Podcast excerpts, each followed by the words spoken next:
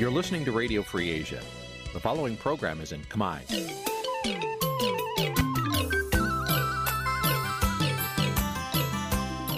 នេះជាកម្មវិធីផ្សាយ Vuthu Azizi Serai នេះជាកម្មវិធីផ្សាយរបស់ Vuthu Azizi Serai ជាភាសាខ្មែរ Vuthu Azizi Serai សូមស្វាគមន៍លោកអ្នកនាងទាំងអស់ពីរដ្ឋធានី Washington នៃសហរដ្ឋអាមេរិក បាទខ្ញុំបាទយ៉ងច័ន្ទដារាសូមជម្រាបសួរលោកអ្នកនាងអ្នកស្ដាប់វិទ្យុអាស៊ីសេរីទាំងអស់ជាទីមេត្រីខ្ញុំបាទសូមជូនកម្មវិធីផ្សាយសម្រាប់ព្រឹកថ្ងៃសៅរ៍10កើតខែមករាឆ្នាំខាលចត្វាស័កពុទ្ធសករាជ2566ដែលត្រូវនឹងថ្ងៃទី3ខែធ្នូគ្រិស្តសករាជ2022បាទជាដំបូងនេះសូមអញ្ជើញអស់លោកអ្នកនាងស្ដាប់ព័ត៌មានប្រចាំថ្ងៃដែលមានមេត្តាដូចតទៅ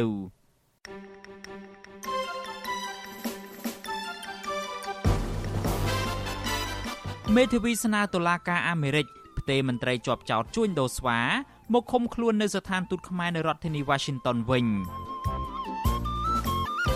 កម្មកររោងចក្រសិនតៃនៅភ្នំពេញផ្ទុះការតវ៉ា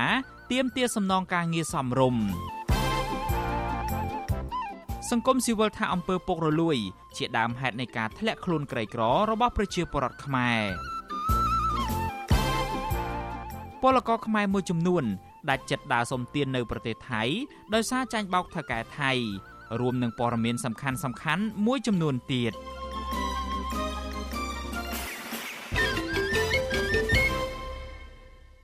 បាទជាបន្តទៅទៀតនេះខ្ញុំបាទយ៉ងច័ន្ទដារាសូមជូនព័ត៌មានទាំងនេះពឹស្ដាមេធាវីមន្ត្រីក្រសួងកសិកម្មខ្មែរដែលជាប់ចោទជួញដូរស្វាជិតផុតពូជស្នើទៅតុលាការអាមេរិក ឲ្យផ្ទេរកូនក្តីពីមន្ទីរឃុំឃាំងនៅទីក្រុងញូវយ៉កទៅនៅស្ថានទូតកម្ពុជា នៅក្នុងរដ្ឋធានី Washington វិញមន្ត្រីអង្គការសង្គមស៊ីវិលឃ្លាំមើលសិទ្ធិមនុស្សអន្តរជាតិស្នើដល់តុលាការអាមេរិកគួរតែប្រុងប្រយ័ត្ននៅក្នុងការយល់ព្រមតាមសំណើរបស់មេធាវីនេះពីព្រោះមន្ត្រីកម្ពុជារូបនេះអាចនឹងលួចកិច្ចខ្លួន បាទលោកអ្នកនាងនឹងបានស្ដាប់សេចក្តីរាយការណ៍នេះពឹស្ដានៅពេលបន្តិចទៀតនេះ។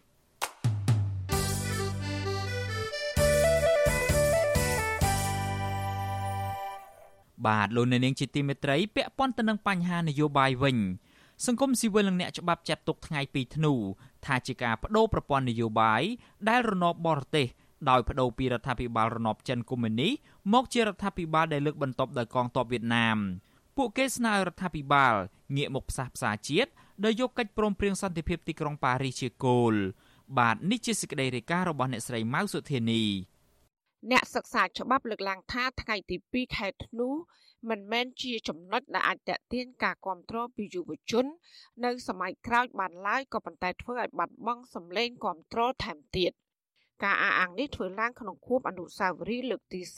44នៃទិវាកំណើតរណសេរសាមគ្គីអភិវឌ្ឍមាតុភូមិកម្ពុជាពីធ្នូដែលរដ្ឋាភិបាលបានយកទិវានេះដើម្បីធ្វើការឃោសនារកការគ្រប់គ្រង អ្នកសិក្សាផ្នែកច្បាប់លោកវ៉ាន់ចាន់លូតយល់ឃើញថាថ្ងៃពីធ្នូมันមានអត្តពលឬក៏ទទួលបានការឲ្យតម្លៃពីយុវជនចំនួនក្រោយនោះឡើយលោកថាយុវជនមិនចាប់អារម្មណ៍ចំពោះថ្ងៃទី2ធ្នូទេក៏ប៉ុន្តែចាប់អារម្មណ៍នឹងស្ថានភាពនយោបាយបច្ចុប្បន្នដូចជាបញ្ហាអំពើពុករលួយវិបត្តិនយោបាយលទ្ធិប្រជាធិបតេយ្យនិងសិទ្ធិសេរីភាពបញ្ចេញមតិជាដើមលោកវ៉ាន់ចាន់លូតបញ្ជាក់ថារដ្ឋាភិបាល គួរតែងាកមកគោរពសន្ធិសញ្ញាទីក្រុងប៉ារីស23ដុល្លារដែលជាសន្ធិសញ្ញា បញ្ចប់សង្គ្រាមនៅកម្ពុជាវិញប្រសើរជាងការយកថ្ងៃទី2ធ្នូមកផ្សព្វផ្សាយដូចនេះនៅក្នុងសច្ចភាពឬក៏ការពិតនៃប្រវត្តិសាស្ត្រខ្ញុំគិតថាសម័យនេះប្រហែលជាប្រជាពលរដ្ឋគាត់ទទួលបាននៅមូលដ្ឋាននៃប្រវត្តិសាស្ត្រនិងច្បាស់ការច្រើន លោកនាយករដ្ឋមន្ត្រីហ៊ុនសែនដែលជាអតីតមេដឹកនាំនៃរណសេរសាមគ្គីសង្គ្រោះជាតិកម្ពុជា បានសរសេរនៅលើគណនី Facebook ថាបើគ្មានថ្ងៃកំណើតរណសេរពីធ្នូនិងជ័យជំនះ7មករាទេក៏គ្មានអ្វីអ្វីដូចសប្តាហ៍ថ្ងៃនេះដែរហើយនេះគឺជាសច្ចធម៌នៃប្រវត្តិសាស្ត្រនៅទន្ទឹមនេះលោកហ៊ុនសែនក៏បានអំពាវនាវឲ្យប្រជាប្រដ្ឋទាំងអស់ត្រូវចងចាំថាថ្ងៃពីធ្នូ គឺជាឫសគល់ដែលនាំមកនូវសុខសន្តិភាព ការអភិវឌ្ឍនិងរួមគ្នាថែរក្សាការពារសុខសន្តិភាព ដែលបានមកដោយលំបាកចាវិជ្ជាស៊ីស្រីមិនអាចតកតងអ្នកនាំពាក្យរដ្ឋាភិបាលលោកផៃស៊ីផាន និងអ្នកនាំពាក្យគណៈបកប្រជាជនកម្ពុជាលោកសុកអេសាន ដើម្បីសុំការអធិប្បាយជុំវិញបញ្ហានេះបានទេ នៅថ្ងៃទី2ខែធ្នូ ជុំវិញរឿងនេះប្រធានសមាគមការពារសិទ្ធិមនុស្សអាត6លោកនីសុខាមានប្រសាសន៍ថាដរាបណាភិក្ខីខ្មែរនៅមិនទាន់ឯកភាពគ្នាប្រជាពលរដ្ឋពិបាកទទួលយកថ្ងៃពីធ្នូនិងថ្ងៃ7មករាថាជាថ្ងៃរំដោះជាតិនោះឡើយលោកបន្តថារដ្ឋាភិបាលគូស្ដារប្រជាធិបតេយ្យនិងការគោរពសិទ្ធិមនុស្សឡើងវិញប្រសើរជាងការយកថ្ងៃពីធ្នូឬក៏ទិវាផ្សេងទៀតយកមកឃោសនាដើម្បីធ្វើនយោបាយប្រជាពិធដ្ឋ ខ្ញុំយល់ថាថ្ងៃណាក៏វាមានសារៈសំខាន់ដែរហើយប៉ុន្តែអ្វីដែលសំខាន់ជាងនោះទៅទៀតនោះគឺថាគឺការបង្រួបបង្រួមផ្សះផ្សាជាតិឲ្យខ្មែរយើងមានឯកភាពជាតិមានអីឲ្យវាទៅជាគេហៅថាមានទស្សនៈតែមួយរួមគ្នាដើម្បីកសាងសុខប្រយោជន៍ជាតិយើងអានឹងជារឿងសំខាន់ជាងអ្វីដែលផ្ដល់តម្លៃឬក៏ភាពចម្រូងចម្រាសគ្នានៅលើការឲ្យតម្លៃទៅនឹងទិវានីមួយៗនឹងបាទ រណសេរីធ្នូឬក៏រណសេរីសាមគ្គីអភិវឌ្ឍមាតុភូមិកម្ពុជា មានឈ្មោះដើមថារណសេរីសាមគ្គីសង្គ្រោះជាតិកម្ពុជាហើយត្រូវបានបង្កើតឡើងកាលពីថ្ងៃទី2ធ្នូឆ្នាំ1978នៅឃុំពីធ្នូស្រុកស្នួលរណសេរីធ្នូនេះទទួលបានការជ្រោមជ្រែងនិងឧបត្ថម្ភទាំងស្រុងផ្នែកកងទ័ពសភាវុធនិងយុទ្ធសាស្ត្រដើម្បីធ្វើសង្គ្រាមពីប្រទេសវៀតណាម វៀតណាមក៏មិនភ្លេចឲ្យកម្ពុជាដឹងគុណខ្លួនដែរគឺឲ្យកម្ពុជាសាងសង់ស្ទូបមិត្តភាពកម្ពុជាវៀតណាមឲ្យបានគ្រប់ខេត្តក្រុងនៅក្នុងប្រទេសកម្ពុជា ជារៀងរាល់ឆ្នាំគណៈបកកាន់អំណាច តែងតែនាំគ្នាប្ររពខួបពីធ្នូដើម្បីរំលឹកដល់គុណកងទ័ពវៀតណាមដែលបានជួយជ្រោមជ្រែងដល់កងទ័ពរណសិរ្សសាមគ្គីសង្គ្រោះជាតិហើយរដ្ឋាភិបាលលោកហ៊ុនសែនក៏បានសាងសង់ស្ទូបមិត្តភាពកម្ពុជាវៀតណាមនៅតាមខេត្តក្រុងទាំងអស់ហើយករណីនេះត្រូវបានមហាជនទូទៅថ្កោលទោសថារដ្ឋាភិបាលលោកហ៊ុនសែនគឺជារដ្ឋាភិបាលចំណុះបរទេសចាននាងខ្ញុំម៉ៃសុធានីវិទ្យុអាស៊ីសេរីប្រធានាធិបតី Washington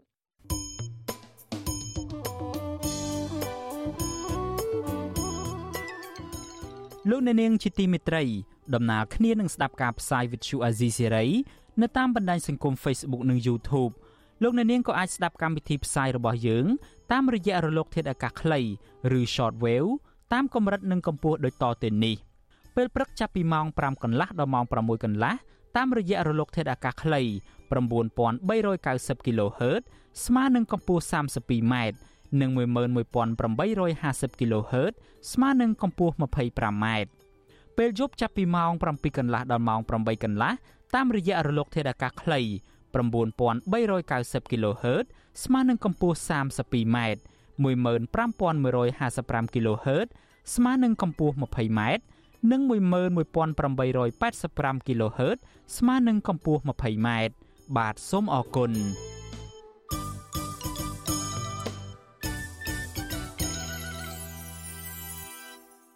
បាទលោកអ្នកនាងជាទីមេត្រីពាក់ព័ន្ធទៅនឹងរឿងអាស្រូវនៃការជួញដូរស្វាទៅសហរដ្ឋអាមេរិកវិញមេធាវីមន្ត្រីក្រសួងកសិកម្មខ្មែរដែលជាប់ចោតជួញដូរសត្វស្វាជិតផុតពូជស្នើទៅតុលាការអាមេរិកឲ្យផ្ទេរកូនក្តីពីមន្ទីរឃុំឃាំងនៅទីក្រុងញូវយ៉កទៅនៅស្ថានទូតកម្ពុជានៅរដ្ឋធានី Washington វិញមន្ត្រីអង្គការឃ្លាំមើលសិទ្ធិមនុស្សអន្តរជាតិសំណូមពរដល់តុលាការអាមេរិកគួរតែប្រុងប្រយ័ត្ននៅក្នុងការយល់ព្រមតាមសំណើនេះពីព្រោះមន្ត្រីកម្ពុជារូបនេះ អាចនឹងលួចកិច្ចខ្លួន បាទលោកសេកបណ្ឌិតរាយការណ៍ព័ត៌មាននេះពឹស្ដាមន្ត្រីក្រសួងកសិកម្មខ្មែរនិងស្ថានទូតខ្មែរបានស្នើសុំតុលាការអាមេរិកអនុញ្ញាតឲ្យប្រធាននាយកដ្ឋានសត្វព្រៃនិងជីវៈចម្រុះនៃក្រសួងបរិស្ថាន លោកគ្រីម៉ាផលផ្ទេរទៅឃុំខ្លួននៅស្ថានទូតខ្មែរវិញប្រធាននាយកដ្ឋានសត្វព្រៃនិងជីវៈចម្រុះនៃក្រសួងបរិស្ថាន លោកគ្រីម៉ាផលត្រូវបានតុលាការអាមេរិកឃាត់ខ្លួននៅអាកាសយានដ្ឋានអន្តរជាតិ Kennedy នៅទីក្រុងញូវយ៉កកាលពីថ្ងៃទី16ខែវិច្ឆិកាខណៈលោកកំពុងធ្វើដំណើរទៅធ្វើសន្និសីទនៅទីក្រុងប៉ាណាម៉ាស្ដីពីការជួញដូរខុសច្បាប់លើប្រភេទសត្វចិត្តផុតពូជលោកត្រូវបានរដ្ឋអាជ្ញាសហរដ្ឋអាមេរិកចោទប្រកាន់ពីបទជួញដូរសម្រួលដល់ការរត់ពន្ធសត្វស្វាក្តាមឬស្វាកន្ទុយវែងដែលចិត្តផុតពូជជាមួយគ្នានេះអគ្គនាយករដ្ឋបាលព្រៃឈើលោកកៅអូម៉ាលីក៏ត្រូវបានគេចោទប្រកាន់ដែរ ក៏ប៉ុន្តែលោកកំពុងតែមានសេរីភាពនៅប្រទេសកម្ពុជានៅឡើយមេធាវីដាកូតាខាន់ធ្វើការនៅក្រុមហ៊ុនផ្ដល់ជំនួយផ្នែកច្បាប់ Akingham ដែលមានមូលដ្ឋាននៅក្នុងរដ្ឋធានី Washington សហរដ្ឋអាមេរិកដែលទទួលបានប្រាក់ខែ60000ដុល្លារអាមេរិកក្នុងមួយខែចាប់តាំងពីខែមករាមកដើម្បីបញ្ចុះបញ្ចូលរដ្ឋាភិបាលអាមេរិកឲ្យមានទំនាក់ទំនងល្អជាមួយនឹងរដ្ឋាភិបាលលហ៊ុនសែនក៏ត្រូវបានចាត់ឲ្យការពីក្តីលោកគ្រីមកផលដែរ នៅក្នុងលិខិតសំណើមួយដែលបានដាក់ទៅតុលាការសហព័ន្ធនៅតុលាការទីក្រុងញូវយ៉កកាលពីថ្ងៃទី30វិច្ឆិកាមេធាវីលោកគ្រីមកផល បានដាក់ចេញនៅលក្ខខណ្ឌស្នើសុំនៅក្រៅឃុំ ដោយបដូរមកឲ្យនៅស្ថានទូតខ្មែរវិញសំណើដែលគាំទ្រដោយលិខិតចុះហត្ថលេខាពីឯកអគ្គរដ្ឋទូតកម្ពុជា លោកកៅឈៀបានលើកឡើងថា ស្ថានទូតកម្ពុជានឹងទទួលខុសត្រូវចំពោះការចំណាយផ្សេងផ្សេងរបស់លោកគ្រីម៉ាផល ពេញ24ម៉ោងក្នុងមួយថ្ងៃក្នុងបរិវេណស្ថានទូតកម្ពុជា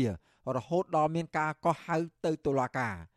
ស្ថានទូតនឹងអនុញ្ញាតឲ្យមន្ត្រីរដ្ឋាភិបាលសហរដ្ឋអាមេរិកចេញចូលស្ថានទូតដើម្បីបញ្ជាក់វត្តមានរបស់លោកគ្រីម៉ាផល ក្រោមកិច្ចព្រមព្រៀងនេះ ការអនុញ្ញាតនេះបានន័យថាលោកកៅឈៀយល់ព្រមលះបង់អភ័យឯកសិទ្ធិការទូតរបស់ស្ថានទូតដែលធានាក្រោមច្បាប់អន្តរជាតិ ថាបុគ្គលិកនិងការិយាល័យរបស់ស្ថានទូតនឹងមិនត្រូវបានទទួលរងនឹងការស្វែងរកការចាប់ខ្លួនឬការជ្រៀតជ្រែកពីអាជ្ញាធរជាប្រទេសម្ចាស់ផ្ទះឡើយលោកកៅឈៀបានសរសេរនៅក្នុងលិខិតធានាថាសម្រាប់គោលបំណងនេះស្ថានទូតនឹងលុបចោលនៅអភ័យឯកសិទ្ធិការទូតនិងអភ័យឯកសិទ្ធិផ្សេងទៀតទាំងអស់ដែលមិនរារាំងចំពោះការចេញចូលរបស់ភ្នាក់ងាររបស់រដ្ឋាភិបាលសហរដ្ឋអាមេរិកនៅក្នុងបរិវេណស្ថានទូតនោះឡើយ លោកកៅឈៀបានសរសេរទៀតថាការផ្ដល់ជូននេះត្រូវបានគ្រប់គ្រងដោយសិទ្ធិអំណាចពេញលេញពីរដ្ឋាភិបាលកម្ពុជាវិទ្យុអាស៊ីសេរីនៅពុំទាន់អាចសុំការអធិប្បាយពីអ្នកនាំពាក្យក្រសួងការបរទេសលោកជុំសុនារី បាននៅឡើយទេដោយលោកបានបញ្ជូនឲ្យទៅសួរស្ថានទូតខ្មែរវិញរហូតមកទល់នឹងពេលនេះវិទ្យុអាស៊ីសេរី ក៏មិនទាន់អាចតាក់ទងស្ថានទូតខ្មែរប្រចាំនៅរដ្ឋធានីវ៉ាស៊ីនតោនដើម្បីសូមអត្ថាធិប្បាយជុំវិញរឿងនេះបាននៅឡើយទេ នៅថ្ងៃទី2ខែធ្នូលោកគ្រីម៉ាផលកំពុងជាប់ឃុំខ្លួននៅមជ្ឈមណ្ឌលឃុំខ្លួននៅ Metropolitan នាទីក្រុងញូវយ៉កសហរដ្ឋអាមេរិកកន្លងមកក្រសួងកសិកម្មរបស់រដ្ឋាភិបាលកម្ពុជា រួមទាំងរដ្ឋបាលព្រៃឈើបានចេញសេចក្តីថ្លែងការណ៍មួយជាបន្ទាន់អំពីការចាប់ខ្លួនលោកគ្រីម៉ាផលថា រដ្ឋាភិបាលកម្ពុជានឹងខិតខំប្រឹងប្រែងអស់ពីសមត្ថភាពដើម្បីស្វែងរកយុទ្ធធរជូនមន្ត្រីរបស់ខ្លួន ជាពិសេសអ្នកដែលបំពេញកាតព្វកិច្ចផ្លូវការតំណាងប្រទេសស្របតាមអនុសញ្ញាអន្តរជាតិជុំវិញរឿងនេះដែរនាយករងអង្គការឃ្លាំមើលសិទ្ធិមនុស្សអន្តរជាតិប្រចាំតំបន់អាស៊ីប៉ាស៊ីហ្វិកលោក Phil Robertson យល់ឃើញថាដើម្បីបង្ការហានិភ័យលួចធ្វើដំណើរមកប្រទេសកម្ពុជាវិញតុលាការអាមេរិក គួរមានការប្រុងប្រយ័ត្នខ្ពស់ក្នុងការពិចារណាលើសំណើសុំផ្ទេរលោកគ្រីម៉ាផល ទៅឃុំឃាំងនៅក្នុងស្ថានទូតកម្ពុជាលោក Phil Robertson បន្ថែមថាសហរដ្ឋអាមេរិកគួរតែទទួលស្គាល់សិទ្ធិរបស់ចុងចោតក្នុងការនៅក្រៅឃុំក៏ប៉ុន្តែក៏ត្រូវគិតគូរយ៉ាងប្រុងប្រយ័ត្នដើម្បីបង្ការហានិភ័យនៃការលួចធ្វើដំណើរចាក់ចេញពីសហរដ្ឋអាមេរិកជាពិសេសប្រសិនបើស្ថានទូតកម្ពុជា ចូលរួមជួយជ្រោបជ្រែងក្នុងរឿងនេះ លោកថារដ្ឋាភិបាលកម្ពុជាមិនគួរប្រញាប់ប្រញាល់ចេញមុខការពីមន្ត្រី ដែលរងការចោទប្រកាន់ពីបទបំផ្លាញការការពារសត្វព្រៃដែលជាការទទួលខុសត្រូវរបស់ជននោះទេជាមួយគ្នានោះលោក Phil Robinson ក៏បង្ហាញការព្រួយបារម្ភអំពីការចង់ឲ្យលោកគ្រីម៉ាផលកិច្ចវេះមិនប្រឈមមុខនឹងតឡាការដោយសារតែការជួញដូរសត្វស្វាក្តាមនេះក៏អាចមានពាក់ព័ន្ធជាមួយនឹងមន្ត្រីធំធំផ្សេងទៀតនៅក្នុងរដ្ឋាភិបាលកម្ពុជា ជាពិសេសទំនាក់ទំនងរបស់មន្ត្រីជាន់ខ្ពស់នៃក្រសួងកសិកម្មនិងក្រុមហ៊ុន Vani Bio Research ជាមួយនឹងគណៈបកប្រជាជនកម្ពុជាលោកថាកន្លងមកក៏ធ្លាប់មានឯកសារបែកធ្លាយដែលបង្ហាញថាក្រុមហ៊ុន Vani Bio Research បានបរិច្ចាគទឹកប្រាក់10000ដុល្លារដល់គណៈបកប្រជាជនកម្ពុជា ដើម្បីគ្រប់គ្រងយុទ្ធនាការបោះឆ្នោតកាលពីឆ្នាំ2018 ដែលជាធ្នូទទួលបានការអនុញ្ញាតពីអតីតរដ្ឋមន្ត្រីក្រសួងកសិកម្មលោកវែងសខុនដើម្បីស្វែងរកសត្វស្វាបង្គ្រប់ចំនួននៃការនាំចេញជុំវិញរឿងក្តីក្តាមនេះអ្នកនាំពាក្យក្រសួងកសិកម្មរុក្ខាប្រមាញ់និងនេសាទកញ្ញាអឹមរចនាសូមអត្ថាធិប្បាយចំពោះការលើកឡើងរបស់មន្ត្រីអង្គការឃ្លាំមើលសិទ្ធិមនុស្សអន្តរជាតិឡើយទោះយ៉ាងណាកញ្ញានៅតែបន្តអះអាងថាការនាំចេញសត្វស្វាក្តាមទៅកាន់សហរដ្ឋអាមេរិកកន្លងមក គឺធ្វើឡើងដោយស្របទៅតាមច្បាប់ជាតិនិងអន្តរជាតិនិងដោយគោរពតាមអនុសញ្ញាស្តីពីការហាម5ការធ្វើពាណិជ្ជកម្មអន្តរជាតិលើប្រភេទសត្វនិងរុក្ខជាតិព្រៃដែលប្រឈមនឹងការជិតផុតពូជហៅកាត់ថាសៃតេសក្រសួងកសិកម្មបានខិតខំប្រឹងប្រែងនិងបានស្វែងរកមេធាវីដើម្បីការពារក្តីជូនដល់ មន្ត្រីរបស់យើងដើម្បីឲ្យលោកទទួលបានយុត្តិធម៌ដោយសហការយ៉ាងជិតស្និទ្ធជាមួយនឹងក្រសួងការបរទេសកម្ពុជាក៏ដូចជាស្ថានទូតកម្ពុជាប្រចាំនៅទីក្រុង Washington និងទីក្រុង New York ទោះយ៉ាងណាសកម្មជនចលនាមេដាធម្មជាតិលោកលីច័ន្ទរាបុត្រយល់ឃើញថាការចាប់ខ្លួនលោកគ្រីមផលនេះមិនត្រឹមតែបង្ហាញពីការអនុវត្តច្បាប់ប្រកបដោយប្រសិទ្ធភាពរបស់សហរដ្ឋអាមេរិកតែប៉ុណ្ណោះទេក៏ប៉ុន្តែករណីនេះ ជាការផ្ដល់នូវយុត្តិធម៌ដល់ប្រទេសកម្ពុជាផងដែរលោកថាកន្លងមកសកម្មជនបរិស្ថានខ្មែរធ្លាប់បានជាប់ពន្ធនាគារដែលមានស្ថានភាពលំបាកជាងនៅពន្ធនាគារសហរដ្ឋអាមេរិកឆ្ងាយណាស់គណៈមន្ត្រីរដ្ឋាភិបាលនិងឈ្មោះធំធំ ដែលបានសហការគ្នាបំផ្លាញបរិស្ថានធនធានធម្មជាតិមិនដែលត្រូវបានចាត់វិធានការតាមផ្លូវច្បាប់នោះឡើយខ្ញុំសង្ឃឹមថាករណីនេះជាករណីទី1ដែល នឹងអាចរកយុទ្ធធម៌បានហើយយុទ្ធធម៌នៅក្នុងការជួយដូរស្វានេះក៏អាចជាយុទ្ធធម៌នៅក្នុងរឿងធនធានធម្មជាតិដទៃទៀតដែលបង្ហាញថាតាមពិតទៅមន្ត្រីកាន់អំណាចមួយចំនួនហ្នឹងគឺបានបំពេញទូនទីរបស់ខ្លួនឯងយកទូនទីរបស់ខ្លួនឯងហ្នឹងទៅរំលោភបំពានធនធានធម្មជាតិហើយធ្វើទឹកបុកម្នេញទៅលើសកម្មជនបដិឋានពិតប្រាកដមែនកន្លងមករបាយការណ៍អន្តរជាតិជាច្រើនបានរកឃើញថារដ្ឋាភិបាលកម្ពុជា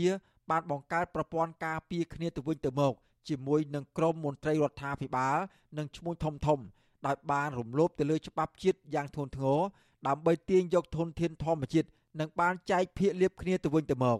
សកម្មជនបរិស្ថានលើកឡើងទៀតថាករណីឃុំខ្លួនមន្ត្រីជាន់ខ្ពស់នៃក្រសួងកសិកម្មនេះគឺជាសក្ខីកម្មមួយដែលបង្ហាញថាធនធានធម្មជាតិនៅកម្ពុជាជាច្រើន កំពុងត្រូវបានទាញយកនិងបំផ្លាញដោយគ្មានតម្លាភាព ហើយត្រូវបានការពារដោយរដ្ឋាភិបាល ខ្ញុំបាទសេកបណ្ឌិតវុទ្ធុអាស៊ីសេរីពីរដ្ឋធានីវ៉ាស៊ីនតោនបាទលោកអ្នកនាងជាទីមេត្រីពាក់ព័ន្ធទៅនឹងបញ្ហាប្រៃឈើនិងបរិស្ថានវិញគណៈកម្មាធិការជាតិទប់ស្កាត់និងបង្ក្រាបបទល្មើសធនធានធម្មជាតិបញ្ជាឲ្យមន្ត្រីនៃកងរាជអាវុធហត្ថលើផ្ទៃប្រទេសចុះស្រាវជ្រាវករណីបទល្មើសព្រៃឈើដែលកំពុងកើតមានយ៉ាងរង្គាលនៅតំបន់ស្នូលព្រៃឡង់នៅក្នុងស្រុករវៀងខេត្តព្រះវិហារក្រោយពីមានព័ត៌មានពីបទល្មើសព្រៃឈើ ជាពិសេសពាក់ព័ន្ធនឹងខេត្តព្រះវិហារខេត្តកំពង់ធំខេត្តក្រចេះខេត្តមណ្ឌលគិរីនិងខេត្តមួយចំនួនទៀតកើតឡើងជាថ្មីលោកសៅសុខាប្រធានគណៈកម្មការជាតិដើម្បីទប់ស្កាត់និងបង្ក្រាបបទល្មើសធនធានធម្មជាតិនិងជាមេបញ្ជាការកងរាជអាវុធហត្ថលើផ្ទៃប្រទេសចេញលិខិតចុះថ្ងៃទី2ខែធ្នូថាព័ត៌មានខ្លះដែលបានផ្ដល់មកគណៈកម្មការជាតិជាព័ត៌មានពិត និងឈានទៅដល់ការបង្ក្រាបជាក់ស្ដែងក៏ប៉ុន្តែព័ត៌មានមួយចំនួនទៀតជាព័ត៌មានមិនពិតនោះទេ លោកសៅសុខាបន្តថាកាលពីថ្ងៃទី25វិច្ឆិកាដល់ថ្ងៃទី29វិច្ឆិកាកងកម្លាំងស្រាវជ្រាវព័ត៌មាននៃកងរាជអាវុធហត្ថលើផ្ទៃប្រទេសបានចុះទៅដល់ទីតាំងភូមិសាស្ត្រខេត្តព្រះវិហារដែលរងការចោទថាមានករណីបទល្មើសព្រៃឈើនោះក៏ប៉ុន្តែការស្រាវជ្រាវរកមិនឃើញមានករណីកើតឡើងដោយការចោទប្រកាន់ឡើយជុំវិញរឿងនេះប្រធានកម្មវិធីផ្នែកស្រាវជ្រាវនឹងតស៊ូមតិនៃសមាគមបណ្ដាញយុវជនកម្ពុជា CYN គឺលោកហេងកំហុងមានប្រសាសន៍ថា រដ្ឋាភិបាលនិងស្ថាប័នពាក់ព័ន្ធគួរតែផ្សព្វផ្សាយអំពីអំណះអំណាង និងព័ត៌មានរបស់ភាគីអាជ្ញាធរជុំវិញការស្រាវជ្រាវបទល្មើសព្រៃឈើនេះលោកអះអាងថាបើតាមការរកឃើញរបស់ក្រមយុវជននិងសកម្មជនបទល្មើសព្រៃឈើនៅក្នុងតំបន់ព្រៃឡង់កើតមានជារៀងរាល់ថ្ងៃ បាយការមួយចំនួនសុទ្ធតែបានផ្សារភ្ជាប់ថាអាញាធរនឹងគឺមានទំនាក់ទំនងជាមួយនឹងការប្រព្រឹត្តអំពើពុករលួយដំជាធ្នូធ្វើឲ្យមានការកាប់បំផ្លាញព្រៃឈើអញ្ចឹងណាអញ្ចឹងបើសិនបើយើងអត់មានការទៅសួរអាញាធរហើយអត់ទៅសួរអ្នកពាក់ព័ន្ធឬក៏អ្នកដែលចេញផ្សាយឬក៏អ្នកដែលជាសហគមន៍មូលដ្ឋានទេខ្ញុំគិតថាប្រភពព័ត៌មានហ្នឹងគឺមិនទាន់ច្បាស់លាស់ទេបាទគឺគួរតែមានការស៊ើបអង្កេតឲ្យបានគ្រប់ជ្រុងជ្រោយបន្ថែមទៀតបាទថ្មីថ្មីនេះបណ្ដាញសហគមន៍ព្រៃឡង់ខេត្តព្រះវិហារចំនួន34នាក់ បានចុះស្រាវជ្រាវនិងស៊ើបអង្កេតបទល្មើសព្រៃឈើនៅក្នុងតំបន់ព្រៃឡង់អស់រយៈពេល4ថ្ងៃនិងប្រទះឃើញបទល្មើសជាច្រើន កាលពីថ្ងៃទី25វិច្ឆិកាដល់ថ្ងៃទី28វិច្ឆិកាបណ្ដាញសហគមន៍ព្រៃឡង់រកឃើញថា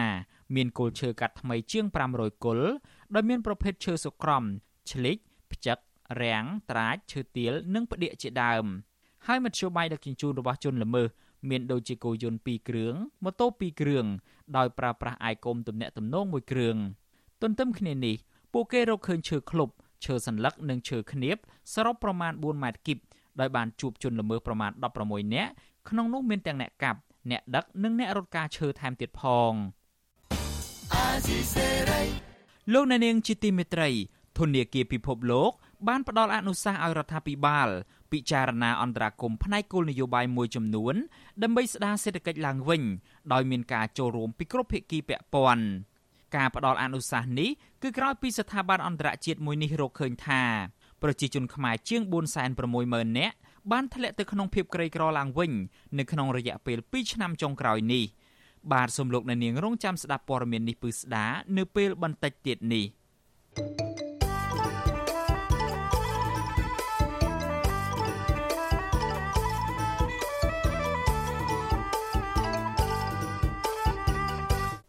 បាទលោកអ្នកនាងជាទីមេត្រីពាក់ព័ន្ធទៅនឹងវិស័យការងារឯនេះវិញ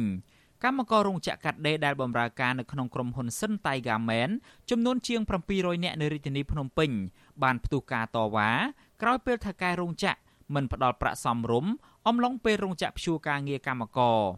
ការទៀមទាននេះធ្វើឡើងបន្ទាប់ពីថៅកែរោងចក្រសិនតៃបានប្រកាសព្យួរការងារកម្មករជាង900នាក់រយៈពេល2ខែក្រោមហេតុផលថាគ្មានអ្នកបញ្ជាទិញ បាទលោកលេងម៉ាលីរាយការណ៍ព័ត៌មាននេះ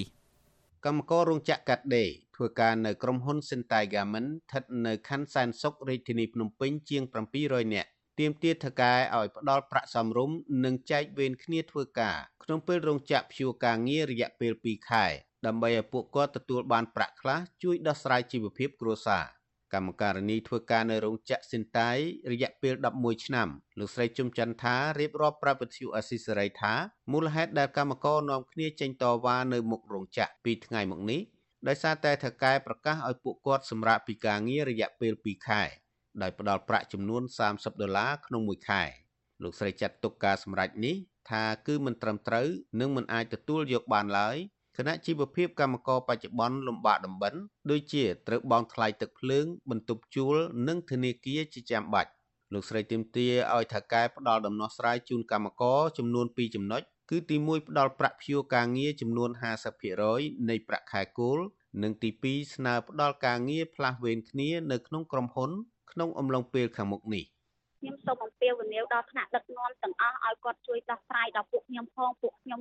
ជាកម្មករមកនេះគឺមកលក់កម្លាំងបដូរប្រាក់ទេពួកខ្ញុំអត់ចង់បានអ្វីច្រើនទេចង់បានឲ្យតែក្រុមហ៊ុនផ្ដល់តម្លៃមួយដ៏សមរម្យសម្រាប់ពួកខ្ញុំមានដំណោះស្រាយដ៏ល្អសម្រាប់ពួកខ្ញុំទេពួកខ្ញុំអត់ចង់បានអ្វីច្រើនពីគាត់ទេ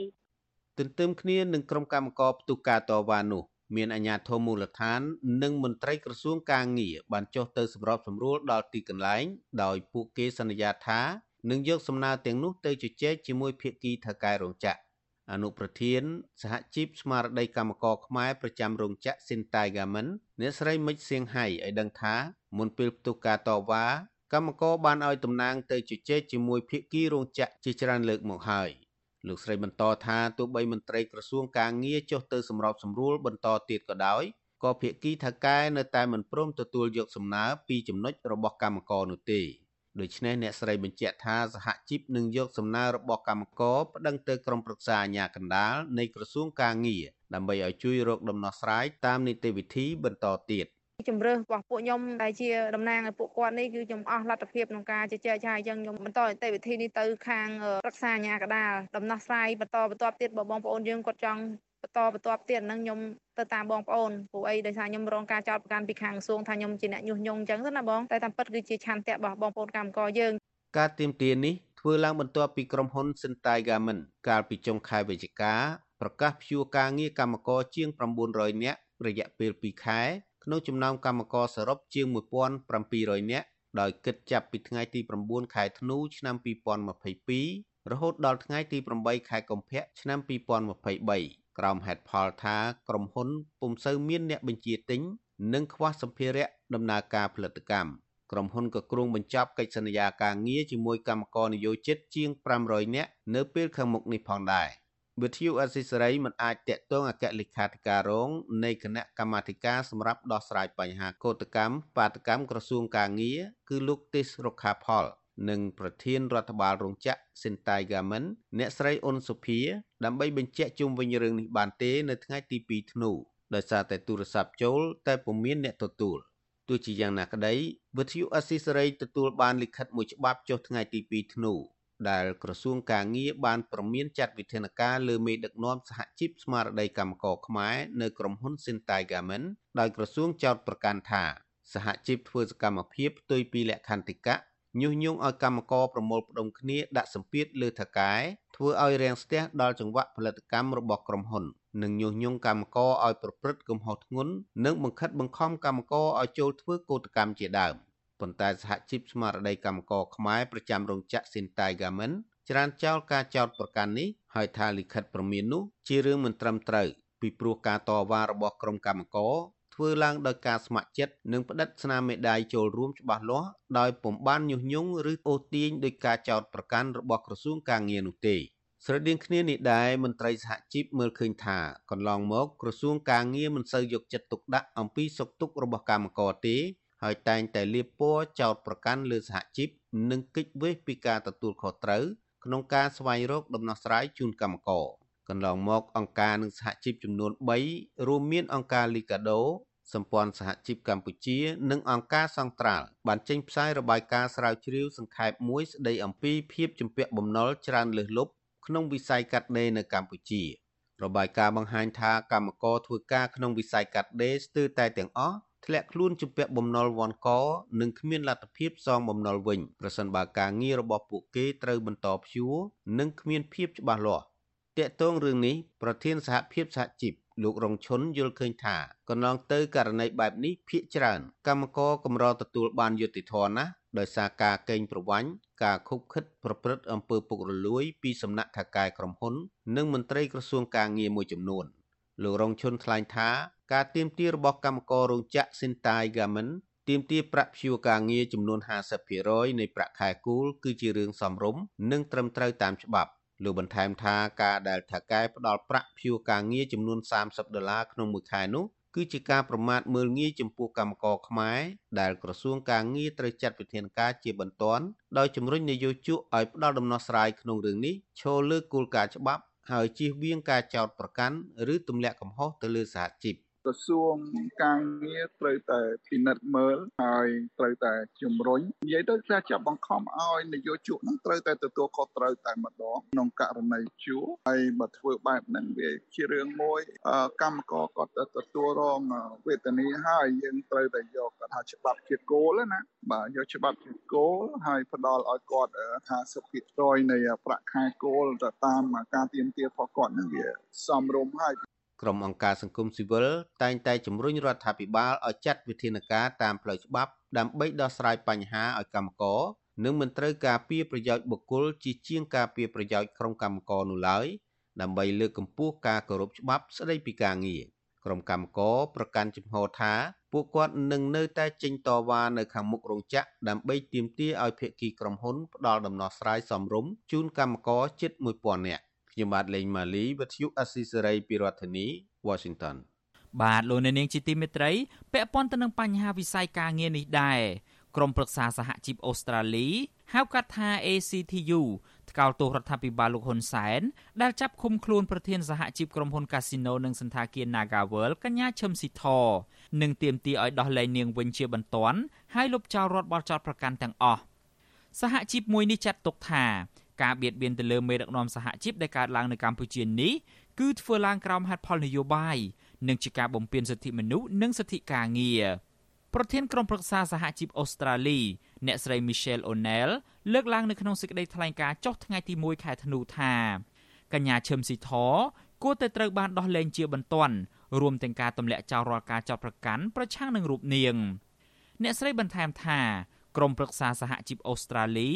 នឹងចូលរួមជាមួយចលនាសហជីពអន្តរជាតិដើម្បីថ្កោលទោសការចាប់ខ្លួនស្ត្រីមេដឹកនាំសហជីពវ័យក្មេងរូបនេះនិងតាមដានស្ថានភាពរបស់នាងយ៉ាងដិតដល់ក្រុមប្រឹក្សាសហជីពអូស្ត្រាលីគឺជាស្ថាប័នសហជីពដ៏មានឥទ្ធិពលនៅអូស្ត្រាលីដែលបង្កើតឡើងដោយសហជីពចំនួន38ស្ថាប័ននិងជាសមាជិករបស់សហព័ន្ធសហជីពពាណិជ្ជកម្មអន្តរជាតិ ITUC ព្រមទាំងមានទំនាក់ទំនងជាមួយស្ថាប័នអន្តរជាតិជាច្រើននៅលើពិភពលោកកញ្ញាឈឹមស៊ីធគឺជាប្រធានសហជីពត្រួតត្រងសិទ្ធិការងារបុគ្គលិកកម្មករខ្មែរនៃក្រុមហ៊ុន Casino Naga World អាញាធរកម្ពុជា បានចាប់ឃុំខ្លួននាងកាលពីថ្ងៃទី26វិច្ឆិកា បន្ទាប់ពីកញ្ញាឈឹមស៊ីធវិលទៅកម្ពុជាវិញក្រោយពីចូលរួមសមាជពិភពលោកលើកទី5របស់សហព័ន្ធសហជីពពាណិជ្ជកម្មអន្តរជាតិដែលបានរៀបចំធ្វើឡើងនៅទីក្រុងមែលប៊នប្រទេសអូស្ត្រាលីមន្ត្រីរដ្ឋាភិបាលនិងតុលាការក្រុងភ្នំពេញបានបកស្រាយថាការចាប់ឃុំខ្លួនកញ្ញាឈឹមស៊ីធននេះគឺដោយសារតែនាងបំពេញបំរាមតុលាការដែលហាមចេញទៅក្រៅប្រទេសក៏ប៉ុន្តែកញ្ញាឈឹមស៊ីធននិងមេធាវីអះអាងថា ពួកគាត់មិនដែលបានដឹងអំពីលក្ខខណ្ឌបែបនេះរបស់តុលាការនោះទេក្រោយការចាប់ឃុំខ្លួនកញ្ញាឈឹមស៊ីធក្រសួងការបរទេសអាមេរិកស្ថានទូតអូស្ត្រាលីសហព័ន្ធសហជីពពាណិជ្ជកម្មអន្តរជាតិព្រមទាំងក្រុមអង្គការសមាគមសហជីពនៅក្នុងស្រុកជិត100ស្ថាប័នក៏បានចេញសេចក្តីថ្លែងការណ៍ជាបន្តបន្ទាប់ជំរុញឲ្យរដ្ឋាភិបាលលោកហ៊ុនសែនដោះលែងរូបនាង និងសហជីពកម្មករ ដែលកំពុងតែជាប់ឃុំទាំងអស់ដោយសារតែការប្រើប្រាស់សិទ្ធិសេរីភាព បង្កើតសមាគមនិងការជួបប្រជុំដោយសន្តិវិធីហើយលុបចោលរដ្ឋការចោទប្រកាន់លើពួកគេនិងឈានទៅដោះស្រាយបញ្ចប់វិវាទការងារប្រកបដោយការស្ថាបនាស្ថាប័នទាំងនេះចាត់ទុកថាការចាប់ឃុំខ្លួនមេដឹកនាំសហជីពរូបនេះពុំមែនជាជំរើសល្អនៅក្នុងការបញ្ចប់វិវាទការងារឡើយហើយកាន់តែបង្ហាញពីទង្វើរបស់រដ្ឋាភិបាលថាកំពុងតែប្រើប្រាស់ប្រព័ន្ធតុលាការដើម្បីបំបិទសិទ្ធិសេរីភាពសហជីព ផ្ទុយពីច្បាប់ជាតិនិងអន្តរជាតិនិងជាការសងសឹកលើរូបនាង ដែលក្លាហានក្រោកឈរការពារសិទ្ធិកម្មករខ្មែរជាង1300នាក់ដែលត្រូវបានបញ្ឈប់ពីការងារដោយក្រុមហ៊ុន Nagavel ដែលមានទំនាក់ទំនងជាមួយគ្រួសារលោកហ៊ុនសែន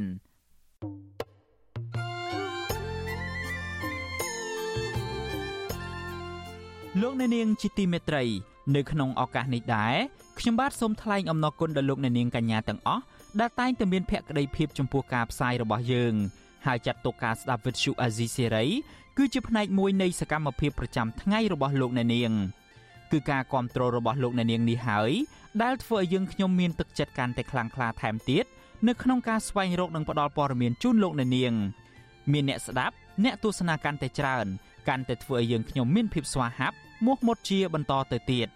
យើងខ្ញុំសូមអរគុណទុកជាមុនហើយសូមអញ្ជើញលោកអ្នកនាងកញ្ញាទាំងអស់ចូលរួមជំរុញឲ្យសកម្មភាពផ្តល់ព័ត៌មានយើងនេះកាន់តែជោគជ័យបន្ថែមទៀតលោកអ្នកនាងអាចជួយយើងខ្ញុំបានដោយគ្រាន់តែចុចចែករំលែកឬមួយក៏ Share ការផ្សាយរបស់យើងនៅលើបណ្ដាញសង្គម Facebook និង YouTube ទៅកាន់មិត្តភ័ក្តិដើម្បីឲ្យការផ្សាយរបស់យើងបានទៅដល់មនុស្សកាន់តែច្រើន បាទសូមអរគុណ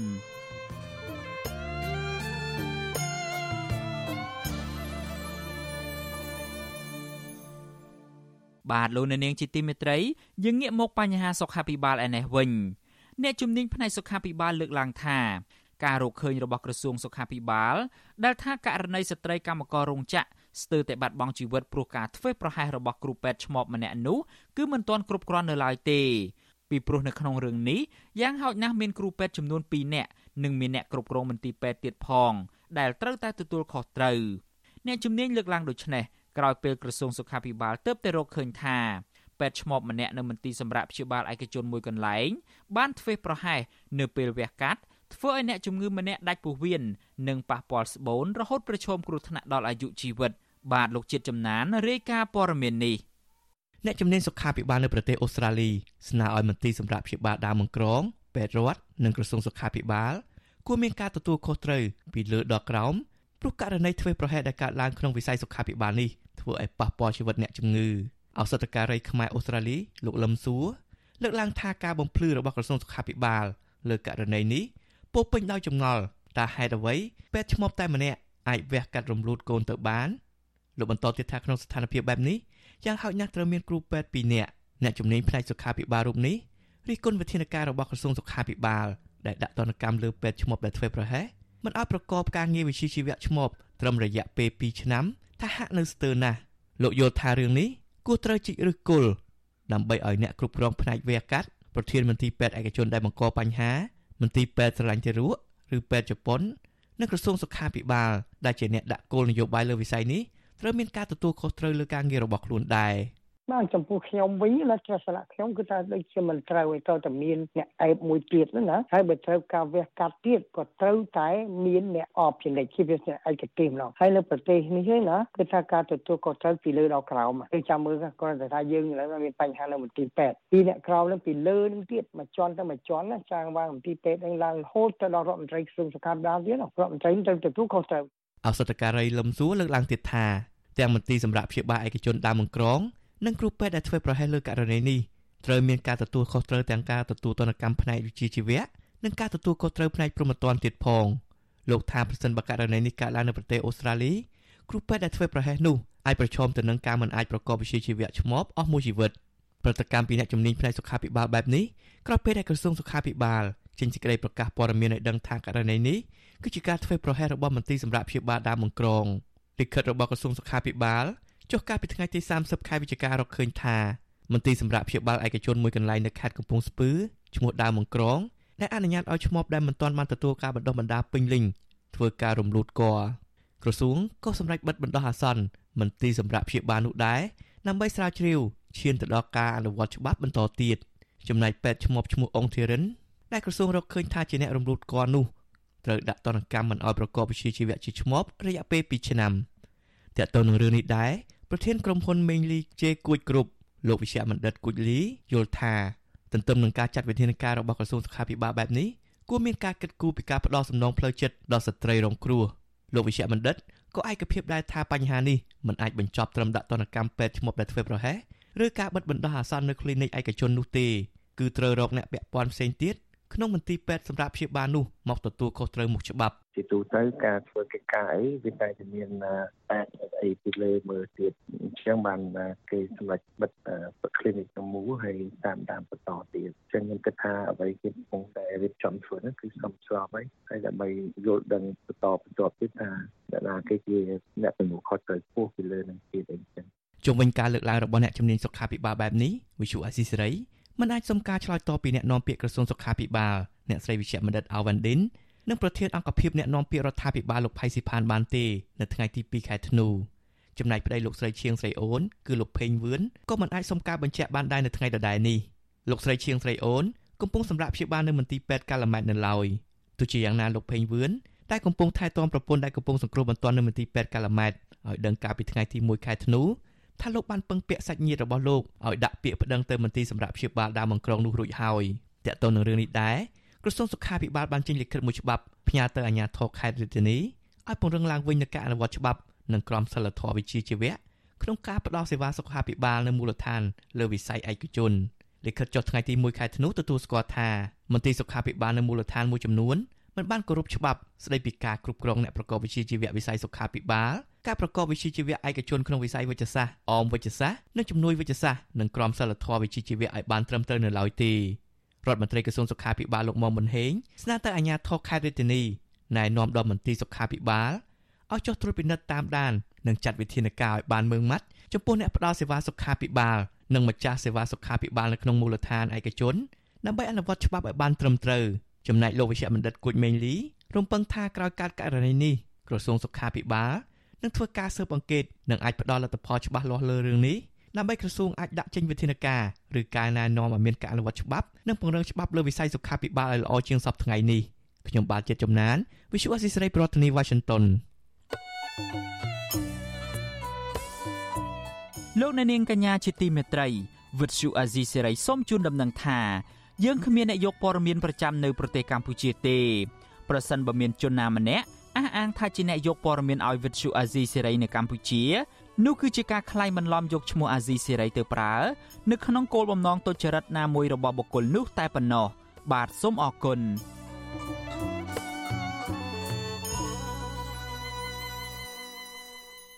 បាទលោកអ្នកនាងជាទីមេត្រីពាក់ព័ន្ធទៅនឹងការធ្វើអាជីវកម្មរ៉ែមាសឯនេះវិញ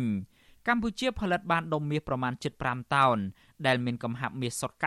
90% ចាប់តាំងពីអាជីវកម្មធ្វើរ៉ែមាសនេះបានចាប់ផ្ដើមកាលពីខែមិថុនាឆ្នាំ2021រដ្ឋមន្ត្រីក្រសួងរាយនឹងធម្មពលលោកសុយសែមកាលពីពេលថ្មីថ្មីនេះបានប្រកាសជាសាធារណៈថានៅក្នុងរយៈពេលប្រមាណខែចុងក្រោយនេះកម្ពុជាចម្រាញ់រ៉ែមាសបានចំនួន75តោននៅលើទីតាំងចំនួន4ដោយក្រុមហ៊ុនកំពុងធ្វើអាជីវកម្មរ៉ែមាសក្នុងខេត្តចំនួន3រួមមានខេត្តព្រះវិហារខេត្តក្រចេះនិងខេត្តមណ្ឌលគិរី លោកបន្តថាក្រុមហ៊ុន Renaissance Mineral ចម្រាញ់បានមាសច្រើនជាងគេគឺប្រមាណ74តោន600គីឡូក្រាមនៅក្នុងចំណោមក្រុមហ៊ុនអាជីវកម្មទាំងអស់ចំនួន4ដែលកំពុងធ្វើអាជីវកម្មរ៉ែមាសកម្ពុជាបានចាប់ផ្ដើមរុករករ៉ែមាសជាលើកដំបូងនៅការដ្ឋានជីកយករ៉ែមាសនៅក្នុងស្រុកកែវសីមាខេត្តមណ្ឌលគិរីកាលពីខែមិថុនាឆ្នាំ2021ក្រុមហ៊ុន Renaissance គឺជាក្រុមហ៊ុនបត់សម្ព័ន្ធរបស់ក្រុមហ៊ុន Emerald Resource NL គឺជាក្រុមហ៊ុនអភិវឌ្ឍការដ្ឋានរុករករ៉ែដែលបានចុះបញ្ជីនៅប្រទេសអូស្ត្រាលីលោកនាយករដ្ឋមន្ត្រីហ៊ុនសែនធ្លាប់លើកឡើងថារដ្ឋាភិបាលកម្ពុជា រំពឹងថានឹងអាចរកប្រាក់ចំណូលបានពីពន្ធអាករនៅក្នុងមួយឆ្នាំមួយឆ្នាំប្រមាណ40លានដុល្លារអាមេរិកពីគម្រោងរុករករ៉ែទាំងនេះក៏ប៉ុន្តែទាំងមន្ត្រីអង្គការសង្គមស៊ីវិលនិងជនជាតិដើមភាគតិចភ្នងរស់នៅខេត្តមណ្ឌលគិរីស្នើសុំឲ្យរដ្ឋាភិបាលគ្រប់គ្រងប្រាក់ចំណូលពីរ៉ែមាសឲ្យមានតម្លាភាពសុចរិតភាព និងកណន័យភាពដោយជៀសវាងអំពើពុករលួយព្រមទាំងបញ្ជាផលប៉ះពាល់នានាលើបរិស្ថាន និងសង្គមបន្ថែមពីលើនេះពួកគេលើកឡើងថារដ្ឋាភិបាលគួរតែប្រើប្រាស់កញ្ចប់ថវិកាជាតិមួយផ្នែកដែលបានមកពីចំណូលរ៉ែមាសដើម្បីអភិវឌ្ឍសហគមន៍មូលដ្ឋាន រួមមានការកសាងផ្លូវសាលារៀនមន្ទីរពេទ្យបណ្ដាញអគិសនីនិងអណ្ដូងទឹកជាដើម។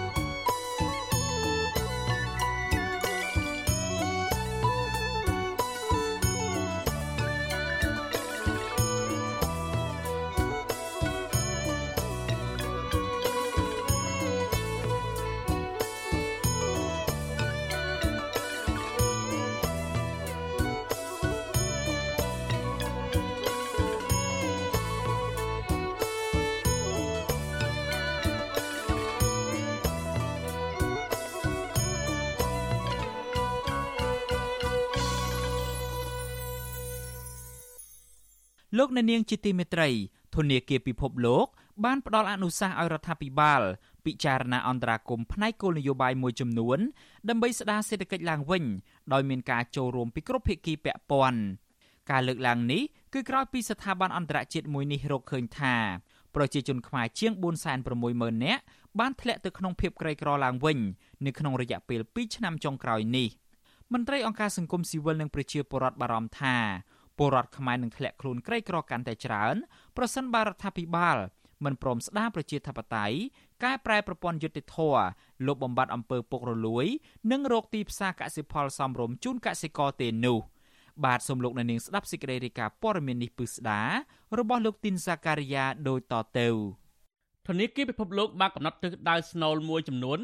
បញ្ជាក់អារម្មណ៍អរដ្ឋាភិបាលកម្ពុជាយកចិត្តទុកដាក់អន្តរាគមន៍ ពង្រឹងកិច្ចគាំពារសង្គមផ្ទេរសាច់ប្រាក់តាមគោលដៅកំណត់ ការវិនិយោគវិស័យសុខាភិបាល និងវិស័យអប់រំឲ្យមានប្រសិទ្ធភាពជាដើមធនាគារពិភពលោកបានផ្សាយរបាយការណ៍ស្រាវជ្រាវថ្មីមួយទៀតវាតម្លៃភាពក្រីក្រក្រមចំណងជើងថាស្ដារសេដ្ឋកិច្ចកម្ពុជាឲ្យកាន់តែមានភាពបរិយាបន្ននិងភាពធន់ជាងមុនរបាយការណ៍នេះបង្ហាញថាក្នុងរយៈពេល10ឆ្នាំគិតចាប់តាំងពីឆ្នាំ2009ដល់ឆ្នាំ2019 អត្រាភាពក្រីក្ររបស់កម្ពុជាបានធ្លាក់ចុះពីកម្រិត33.8%មកនៅត្រឹម17.8%ដែលជួយបរដ្ឋជិត2លាននាក់បានរួចផុតពីភាពក្រីក្រប៉ុន្តែនៅរយៈពេល2ឆ្នាំចុងក្រោយនេះបរដ្ឋជាង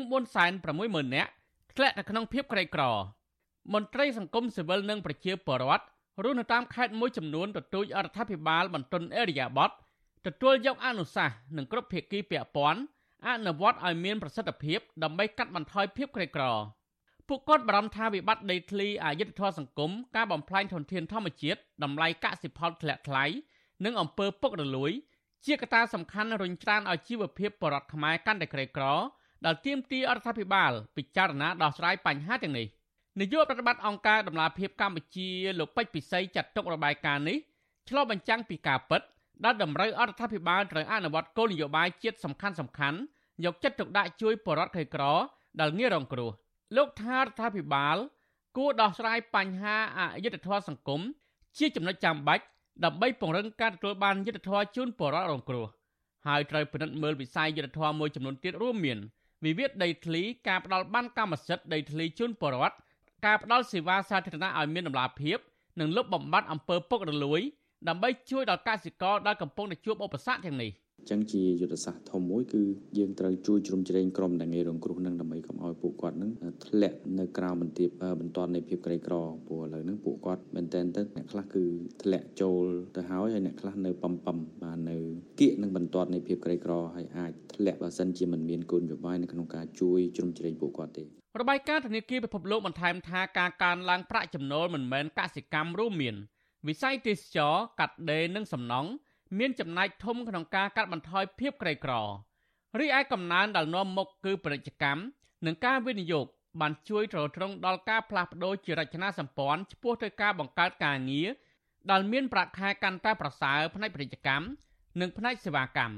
ពាក់ព័ន្ធនឹងរឿងនេះដែរជនជាតិដើមភាគតិចរស់នៅខេត្តភូមិភាគឦសាន គឺលោកឋានវ៉នអះអាងថា ការថយចុះទំហំព្រៃឈើធ្វើឲ្យបរដ្ឋកាន់តែក្រីក្រ ដោយសារតែបាត់បង់ទីកន្លែងអាស្រ័យផលធនធានធម្មជាតិរួមមានដងជ័រទឹករកឃ្មុំរកថ្នាំបុរាណរកអនុផលព្រៃឈើនិងត្រីសាច់ជាដើមលោកទទូចអរដ្ឋាភិបាលលុបបំបាត់បទល្មើសព្រៃឈើនិងអភិរក្សព្រៃឈើឲ្យបានច្បាស់លាស់ដើម្បីស្ដារព្រៃឈើឡើងវិញដែលជាប្រភពប្រាក់ចំណូលសេដ្ឋកិច្ចយ៉ាងសំខាន់របស់ជនជាតិដើមភាគតិចទី1បងធនាគារទី2សេដ្ឋកិច្ចធ្លាក់ចុះទី3បាត់ព្រៃឈើ 3នាក់នោះហើយដែលដែលនឹងធ្វើឲ្យប្រជាពលរដ្ឋមានទុកកង្វល់រឿងព្រៃឈើបើដូចពីមុនពីមុនប្រហែលជាង10ឆ្នាំមុនវាមានព្រៃឈើគឺមានទីលំនឹងដូចជាដងជួរទឹករអស់រផ្ដៅវឬក៏របស់វត្ថុអីដូចក្នុងព្រៃយើងអាចរលក់បានតែឥឡូវវាអត់មានរីឯបរដ្ឋនៅខេត្តសៀមរាបលោកសៀមវ៉ាន់សង្កេតឃើញថាបរដ្ឋធ្លាក់ខ្លួនក្រីក្រកើនឡើងដោយសារតែផលិតផលគ្មានទីផ្សារនាំចេញសមរម្យហើយបរដ្ឋពិបាករកការងារធ្វើក្នុងស្រុក ដែលទទួលបានប្រាក់ចំណូលសមរម្យលោកថាបច្ចុប្បន្នកសិករកំពុងតែផង់ខ្លួននឹងបំណុលពិបាកនឹងរើបំរាស់បង្ខំចិត្តឲ្យកូនកូនឈប់រៀនធ្វើចំណាកស្រុកនៅក្រៅប្រទេសហើយកសិករខ្លះទៀតលក់ដីស្រែពីគេដូនតាឪពុកម្ដាយជាដើម ដើម្បីដោះស្រាយបំណុលចង់ឲ្យប្រទេសខ្មែរយើង ឲ្យរដ្ឋាភិបាលរៀបចំមុខរបរឲ្យកសិករយើងមានទីផ្សារដូចជាធ្វើស្រូវស្រូវមានតម្លៃធ្វើទន្លងទន្លងមានតម្លៃឡើងចឹងណាហើយធ្វើទនេទនេមានតម្លៃធ្វើពូតពូតមានតម្លៃអានេះវាតម្លៃលឺហៅថានេះទុនរឿងថ្លៃវាឡើងចុះ លែងរងងាយហើយដូចស្រូវទឹងតែនងលក់ចេញមិនចង់បានទេ1គីឡូ6 200មិនចង់យកទៀតបាទវាថាចេះវាថាចុះដូចតែនេះកម្មកសិករយើងវាទៅបានណាធ្វើទឹងតែមិនរួចថ្លៃជីទេអត់ទេពាក្យវិនធនាគារនៅសារចុះឯណាមិទ្យុអសិរ័យមិនអាចតាក់ទងសំការបំភ្លឺពីរឿងនេះពីប្រធានអង្គភិបអ្នកនាំពាក្យរដ្ឋាភិបាលលោកផៃសិផានដើម្បីសំសួរអំពីបញ្ហានេះបានឡើយទេកាលពីថ្ងៃទី2ធ្នូប៉ុន្តែអ្នកនាំពាក្យគណៈបកប្រជាជនកម្ពុជាលោកសុកអេសានមានប្រសាសន៍ថា បរដ្ឋធ្លាក់ខ្លួនក្រីក្រយ៉ាងឆាប់រហ័សដោយសារការរាតត្បាតជំងឺ Covid-19 អត្តពលសង្គ្រាមនៅប្រទេសអ៊ុយក្រែននិងវិបត្តិនយោបាយជាសកលជាដើមលោកចាត់ទុករបាយការណ៍របស់ធនាគារពិភពលោកដែលផ្ដល់អនុសាសន៍ល្អៗដល់រដ្ឋាភិបាលកម្ពុជាដើម្បីប្រឹងប្រែងទប់ទល់នឹងឧបសគ្គផ្សេងផ្សេងគឺជាអត្តពលអវិជ្ជមានពីខាងក្រៅទៅវិញ។ រាជរដ្ឋាភិបាលគណៈបកប្រជាជនមិនដែលបដិសេធទេគឺតែងតែយកមកពិចារណាបាទហើយកន្លែងណាដែលពិចារណាទៅឲ្យត្រូវអនុវត្តនេះគឺរាជរដ្ឋាភិបាលលោកកែលម្អលោកបង្កើនគុណភាពនៃសកម្មភាពដឹកនាំរបស់ខ្លួនហើយកន្លែងណាដែលតិទៀនឬផ្ដល់មតិយោបល់អីទៅអាហ្នឹងគឺកន្លែងដែលមិនយកបានអាហ្នឹងរាជរដ្ឋាភិបាលលោកទាត់ចោលតើតើនៅរឿងនេះប្រធានសមាគមប្រជាធិបតេយ្យឯករាជ្យនៃសេដ្ឋកិច្ចក្រៅប្រព័ន្ធលោកវ៉ុនពៅយល់ថា រដ្ឋាភិបាលគួរតែពិចារណាឡើងវិញក្នុងការស្ដារប្រព័ន្ធជំនួយសង្គមនិងកិច្ចគាំពារសង្គមជួយដល់ប្រជាក្រីក្រដែលគ្មានការរើសអើងពិសេសប្រជាក្រីក្រដូចជាករណីទទួលបានសេវាព្យាបាលជំងឺពីពេទ្យរដ្ឋក្នុងតម្លៃទាបនិងមិនគិតប្រាក់ជាដើមលោកថាការរើសអើងនយោបាយជាហេតុផលមួយធ្វើឲ្យប្រជាកាន់តែក្រីក្រដែរដោយសារតែអាញាធររើសអើងប្រជាណាដែលមិនគ្រប់គ្រងគណៈបកកាន់អំណាចហើយធ្វើបាបពួកគេ ដូចជាសកម្មជនបពប្រឆាំងជាដើមអត្រាវិបត្តិអត់ការងារធ្វើធ្វើឲ្យប្រជាពលរដ្ឋមួយចំនួនរោងចក្រត្រូវបិទទ្វារបខំចិត្តចំណាក់ស្រុកទៅក្រៅប្រទេសហើយអ្នកនៅក្រៅប្រទេសមួយចំនួនត្រឡប់មកវិញនៅនៅថៃអីអាហ្នឹងដែលធ្វើឲ្យក្រកាន់ក្រទៅក្រទៅវិបត្តិដីធ្លីបាត់បង់ទុនធានធម្មជាតិបាត់បង់ជំរកស្នាក់នៅអីរបស់ពលរដ្ឋហ្នឹងហើយដែលធ្វើឲ្យពលរដ្ឋខ្មែរធ្លាក់ខ្លួនកាន់តែក្រទៅក្រទៅធនាគារពិភពលោកផ្ដល់អនុសាសន៍អរដ្ឋាភិបាលកម្ពុជាគួរពិចារណាអន្តរាគមន៍ផ្នែកគោលនយោបាយមួយចំនួន ដើម្បីគាំទ្រដល់ការស្ដារសេដ្ឋកិច្ចឡើងវិញដោយមានការចូលរួមពីគ្រប់ភាគីនិងធនជាងមុនបណ្ដាលមកពីការរាតត្បាតជំងឺ Covid-19 និងវិបត្តិសេដ្ឋកិច្ចសកល អន្តរាគមន៍ទាំងនោះរួមមានការផ្ទេរសាច់ប្រាក់តាមគោលដៅកំណត់វិធានការពង្រឹងកិច្ចគាំពារសង្គមការវិនិយោគលើវិស័យសុខាភិបាលនិងការអប់រំជាដើមប្រធានគ្រប់គ្រងការិយាល័យធនាគារពិភពលោកប្រចាំនៅកម្ពុជាលោកស្រី Mariam Salim ថ្លែងនៅក្នុងរបាយការណ៍ថាបរដ្ឋខ្មែរជាច្រើនគ្រួសារ ស្ថិតនៅក្នុងស្ថានភាពងាយរងគ្រោះនៅឡើយដោយសារពួកគាត់មិនសូវមានប្រាក់សន្សំឬគ្មានគោលនយោបាយការពារផ្នែកសង្គមជំងឺ Covid-19 បានរុញថយក្រោយវិញនៅវឌ្ឍនភាពរបស់កម្ពុជា ក្នុងការប្រយុទ្ធនឹងភាពក្រីក្រ ដែលធ្វើឲ្យប្រជាពលរដ្ឋភាគច្រើនបាត់បង់ការងារនិងប្រាក់កម្រៃរបាយការណ៍បន្តថាលក្ខខណ្ឌជីវភាពនិងលទ្ធភាពទទួលបានសេវាកម្មជាមូលដ្ឋានដូចជាអគិសនីទឹកស្អាតអនាម័យសុខភាពនិងការអប់រំជាដើម មានភាពប្រសើរឡើងមួយភាគធំនៅក្នុងចំណោមប្រជាជនទូទៅ បន្ថែមពីនេះការកែលម្អស្ថានភាពទាំងនេះបានធ្វើឲ្យមានគម្លាតស្តង់ដារជីវភាពរស់នៅរបស់ប្រជាពលរដ្ឋនៅជនបទនិងទីប្រជុំជន កាន់តែរួមតូចជាងមុនធនាគារពិភពលោកឲ្យដឹងទៀតថាប្រជាពលរដ្ឋកម្ពុជាប្រមាណជាង20%ឬជាង3លាននាក់រស់នៅក្រោមបន្ទាត់ក្រីក្រនៅឡើយខ្ញុំទីនសាការីយ៉ាអស៊ីសេរីប្រធានីវ៉ាស៊ីនតោន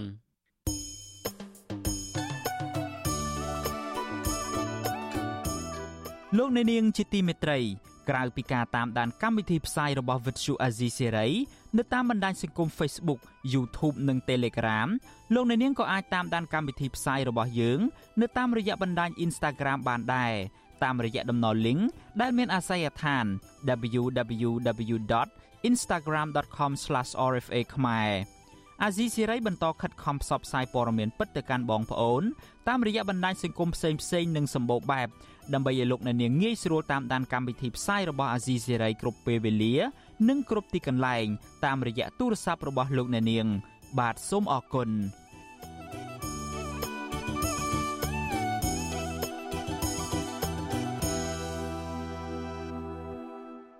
បាទលោកអ្នកនាងជាទីមេត្រី ពាក់ព័ន្ធទៅនឹងបញ្ហាជីវភាពរបស់ពលរដ្ឋខ្មែរមួយចំនួននៅប្រទេសថៃវិញពលករខ្មែរមួយចំនួនដែលកំពុងតែរស់នៅប្រទេសនេះអ្នកខ្លះដើរកោតត្រអ្នកខ្លះនាំកូនតូចអង្គុយនៅទីសាធារណៈដើម្បីសុំទានដោះស្រាយជីវភាពព្រោះមេការសំណង់មិនបើកប្រាក់ខែឲ្យពួកគាត់មន្ត្រីសង្គមស៊ីវិលឲ្យដឹងថាពលករខ្មែរនៅក្រៅស្រុក ត្រូវថៅកែ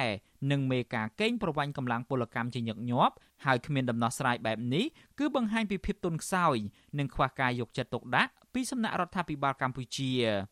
បាទសូមលោកអ្នកនាងស្ដាប់សេចក្តីរាយការណ៍មួយទៀតរបស់អ្នកស្រីម៉ៅសុធានីដូចតទៅពលករខ្មែរមួយចំនួនសម្រាប់ចិត្តដើរសុំទាននៅតាមទីសាធារណៈក្នុងប្រទេសថៃដើម្បីរកប្រាក់ចិញ្ចឹមជីវិត ពួកគាត់ថាគ្មានប្រាក់ចាយវាយប្រចាំថ្ងៃកាត់គេកាត់ខ្មាស់ដល់សុំទាននៅតាមទីប្រជុំជន ទីផ្សារចិញ្ចើមថ្នល់ដោយសារតែមេការសំណង់មិនព្រមបើកប្រាក់ឈ្នួលឲ្យពួកគាត់ពលករខ្មែរម្នាក់មានស្រុកកំណើតនៅខេត្តកំពង់ចាមរស់នៅក្នុងប្រទេសថៃជាង5ឆ្នាំលោកវេតសាងប្រាប់បច្ចុប្បន្នអសីស្រី ថាលោកចាញ់បោកមេការសំណង់ដែលជាជនជាតិខ្មែរដូចគ្នា ហើយបានលួងលោមប្រើឲ្យលោកធ្វើការសំណង់អស់ជាច្រើនខែតែមិនព្រមបើកប្រាក់ខែឲ្យលោកបន្តថាបានការងាររបស់លោកក៏អស់សុពលភាពទើបលោកមិនហ៊ានប្តឹងមេការនោះដែលកេងកម្លាំងពលកម្មលោកស្នើសុំស្ថាប័នពាក់ព័ន្ធជួយរកការងារលោកឲ្យបានធ្វើនៅស្ថាប័នរដ្ឋឬក៏ស្ថាប័នឯកជនដែលពាក់ព័ន្ធវិស័យភ្លេងបុរាណដើម្បីបានប្រាក់ខែ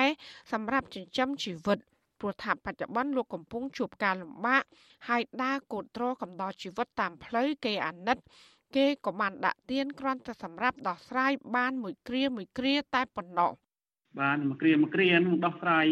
ណែថ្លៃបន្ទប់ថ្លៃហូបចុកប្រចាំថ្ងៃបន្តិចបន្តួចណាថ្លៃថ្លៃផ្លូវដែលយើង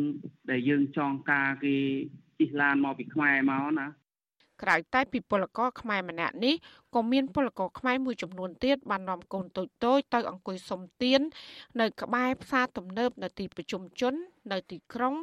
ដែលមានមនុស្សដើរកកកុញភៀកច្រើនពួកគាត់ត្រូវបានថៅកែនាំមកធ្វើការហើយមិនបើកប្រាក់ខែឲ្យ ស្ត្រីម្នាក់ដែលចិញ្ចឹមកូន3នាក់និងម្ដាយចាស់ជរាកំពុងដើរសុំទានគេនៅប្រទេសថៃឲ្យដឹងថាលោកស្រី បានបាត់បង់មុខរបរតាំងពីជំងឺ Covid-19 ផ្ទុះជាសកល លោកស្រីគឺជាអ្នកលក់ស្បែកជើងនៅក្បែរផ្សារមួយជាក្រុងបាងកកលោកស្រីថាបន្ទាប់ពីគ្មានការងារធ្វើ ហើយត្រឡប់ទៅស្រុកវិញមិនបាន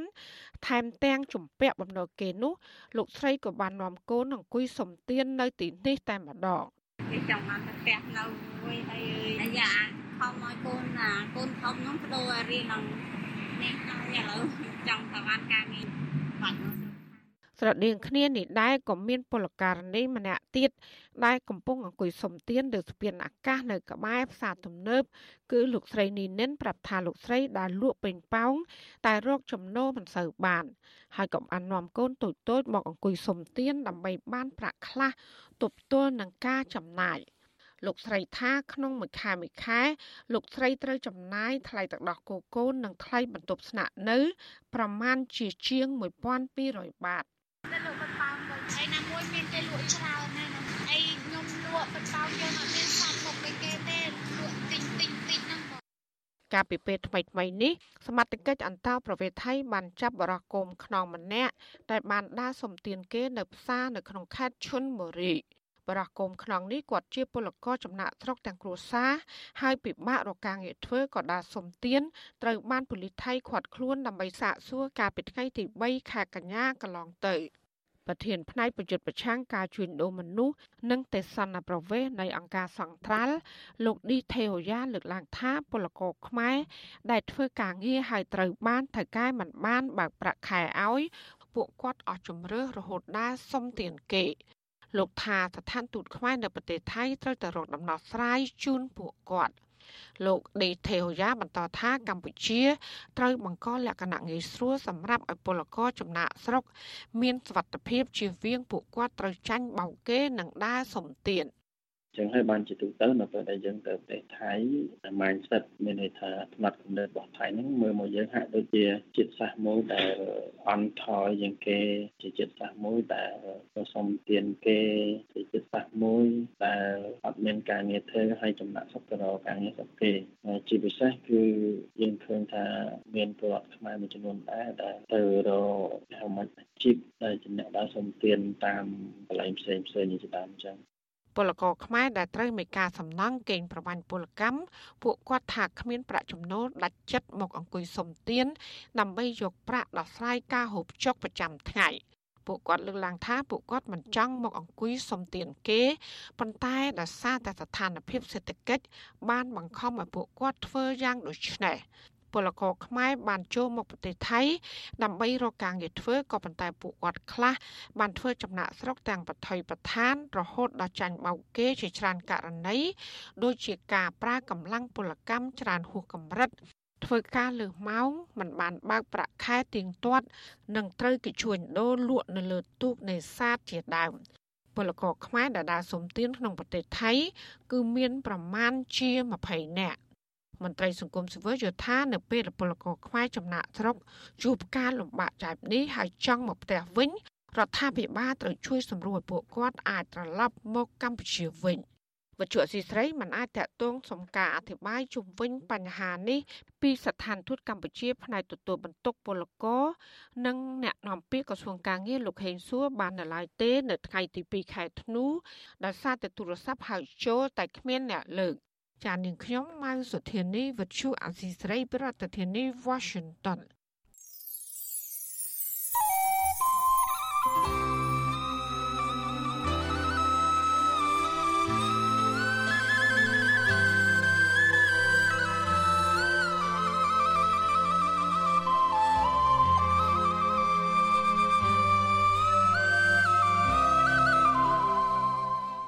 លោកអ្នកនាងជាទីមេត្រី ការផ្សាយរយៈពេល1ម៉ោងរបស់វិទ្យុអាស៊ីសេរីនៅព្រឹកនេះចប់ត្រឹមតែប៉ុណ្ណេះយើងខ្ញុំសូមជូនពរដល់លោកអ្នកនាងព្រមទាំងក្រុមគ្រួសារទាំងអស់ឲ្យជួបប្រកបតែនឹងសេចក្តីសុខចម្រើនរុងរឿងកុំបីឃ្លៀងឃ្លាតឡើយខ្ញុំបាទយ៉ងច័ន្ទដារាព្រមទាំងក្រុមការងារទាំងអស់នៃវិទ្យុអាស៊ីសេរីសូមអរគុណនិងសូមជម្រាបលា